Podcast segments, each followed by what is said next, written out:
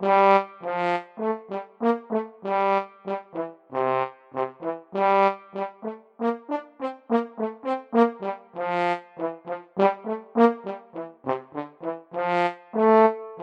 här är Folk i Finland podcast i samarbete med Boklund Skriptum och Boklund Publishing i deras monter på Bokmässan i Helsingfors 2019. Och nu ska vi presentera eh, nästa bok här som eh, handlar om en, en, eh, en livs, ett livsöde kan man säga eh, och den heter Saldo och det är en kortroman av Benit av Benita Backas Andersson från Lovisa-trakten. Välkommen hit Benita! Tack! Det här är inte din första bok, ska vi säga först. Det här är min tredje bok. Ja. Och dessutom av genrerna så är det då min första fiktiva bok. Så du har hållit dig till sanningen höll jag på att säga. Men vi ska prata om den här och det visar sig att den har mycket med verkligheten att göra kan man väl säga. Om du ska bara kort eh, introducera Saldo för oss. Så. Ja, Saldo är en bok som handlar om borrelios, sjukdomen. Bokens huvudperson, Lennart Holm, han företar en resa till Lappland. Med sig på resan har han ett manus som han skriver på under resans gång. Och på det sättet tycker jag att boken också innehåller två böcker, min bok Saldo och Lennarts bok På, på smärtans hållplats. Och så tycker jag att den innehåller två resor, en Lapplandsresa och en inre resa. Men hur, hur var det att du kom på att göra en eh, fiktiv berättelse om det här ämnet som ju är viktigt för dig istället för att göra en mera faktabaserad bok? För du vill ju ändå åt att det här ämnet ska få uppmärksamhet. Ja, jag vill gärna sprida kunskap om den här sjukdomen och på det här sättet tror jag att jag når längre eftersom jag inte kan skriva en vetenskaplig bok eller helt faktabok om borrelios så vill jag skriva om mina upplevelser av sjukdomen. Och berätta lite kort om din bakgrund. Jag blev biten av en fästing för 19 år sedan själv och det var väldigt svårt för 19 år sedan att få hjälp.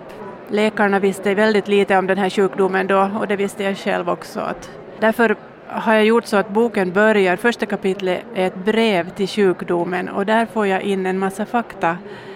Och efter första kapitlet så börjar liksom den här resan. Men när du blev drabbad, var det eh, så att du upptäckte fästingen väldigt sent eller sådana här saker? Jag upptäckte aldrig fästingen, bara blev ett stort märke på mitt ben ja. som sedan blev större och större. Och jag blev sjukare och sjukare. På, hur yttrade sig det? Feber och ganska som en oskyldig förkylning till allra först. Men, men om man hade vetat att det var en fästing i det läget, vad hade det gjort för skillnad för dig? No, jag skulle ha behövt få en antibiotikakur intravenöst en längre tid. Det är det som är problemet än, i, än idag. Men i det här fallet, i ditt fall, då visste man inte ens att det var en fästing förrän man kunde anta det sen eller? Ja, med blodprov visas ju sånt här men att ja, det tog tid innan man tog det här provet. Ja, just det. Så när insåg du att det var den där sjukdomen då? Hur lång tid tog det? Det tog nog många, många månader, kanske ett halvt år. Då var det redan för sent på ett sätt, den blev kronisk. Om man snabbt får hjälp så behöver ingenting bli kroniskt längre. Det här var ju 19 år sedan. Eh, när du då valde att göra det här fiktiva, vad, vad var din tanke så om, om, att göra en fiktiv berättelse för att få fram ändå en del budskap om det här? Jo, jag tänkte att på det här sättet kan jag samla, jag har också berättelser av andra som är sjuk, har varit sjuka i samma sjukdom. Jag kan ta med dem, jag kan få fram andra saker, just eh, sambandet mellan fukt och mögelskadade byggnader och svårigheten att kunna bli frisk från den här sjukdomen. Alltså hur den eh, saken påverkar borrelian också? Ja, det eller det, äh, andra allergisjukdomar? Är det, det, det gäller nog, enligt mig så var det svårt att bli frisk från borrelia. Man blev genast bättre när man flyttade bort från ett fuktskadat hus. Och det är ju mycket man kan göra själv också för att må bättre. Men att man, det är svårt att ge råd åt andra men man kan berätta lite om sina upplevelser, kanske ja. någon känner igen sig. Och en hel del av det kommer fram i berättelsen här. Absolut. Så att du tar då olika eh, erfarenheter från olika personer som du kan stoppa in i din berättelse här då? Jo, en del, men många erfarenheter är nog mina egna. Ja. Men jag har också till exempel boken Melina.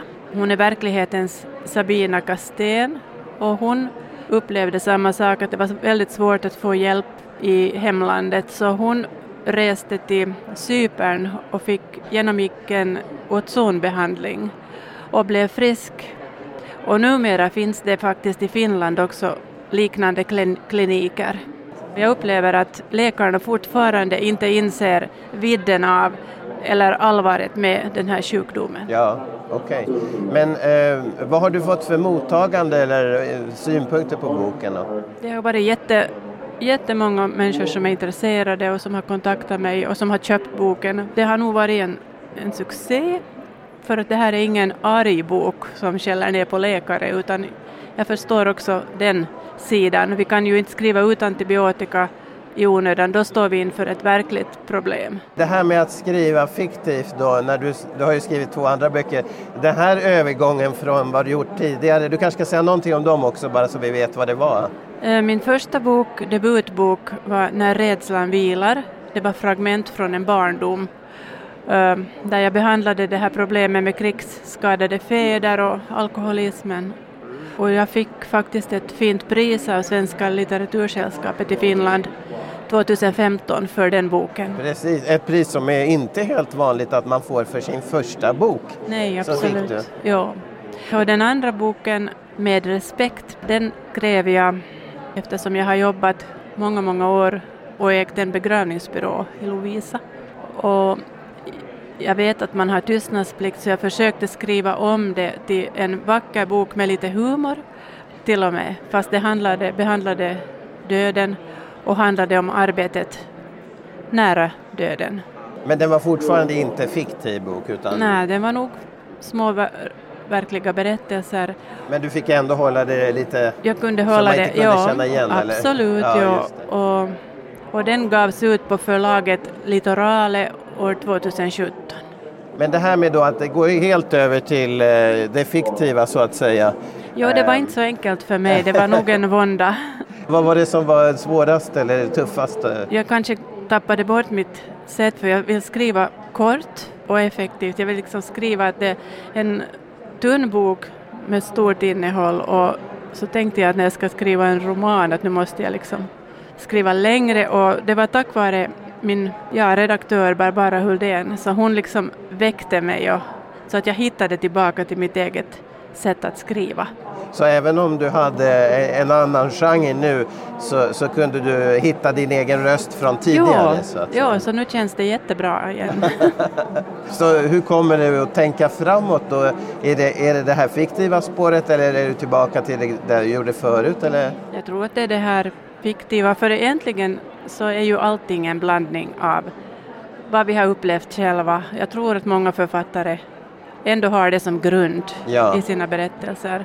Och jag vill gärna fortsätta med korta berättelser med, med viktigt innehåll. Har du redan börjat med det? Jag har inte hunnit för det har varit så mycket uppträdande med den här boken och, och det tar tid nu att få det här lagt bakom och lite vila och så börja på nytt. Och din bok, som, var får man tag på den? Som jag tror det finns många som är intresserade av den. Ja, den finns i bokhandlar och på nätet här via Boklund och via min egen hemsida www.benitabackas-andersson.com Tusen tack, en viktig sak eh, som du har skrivit om och lycka till med eh, den här, eh, ja, när du presenterar den och åker runt och berättar om det här. Jo, tack, tack för att du var med. Tack att jag fick vara med. Tack.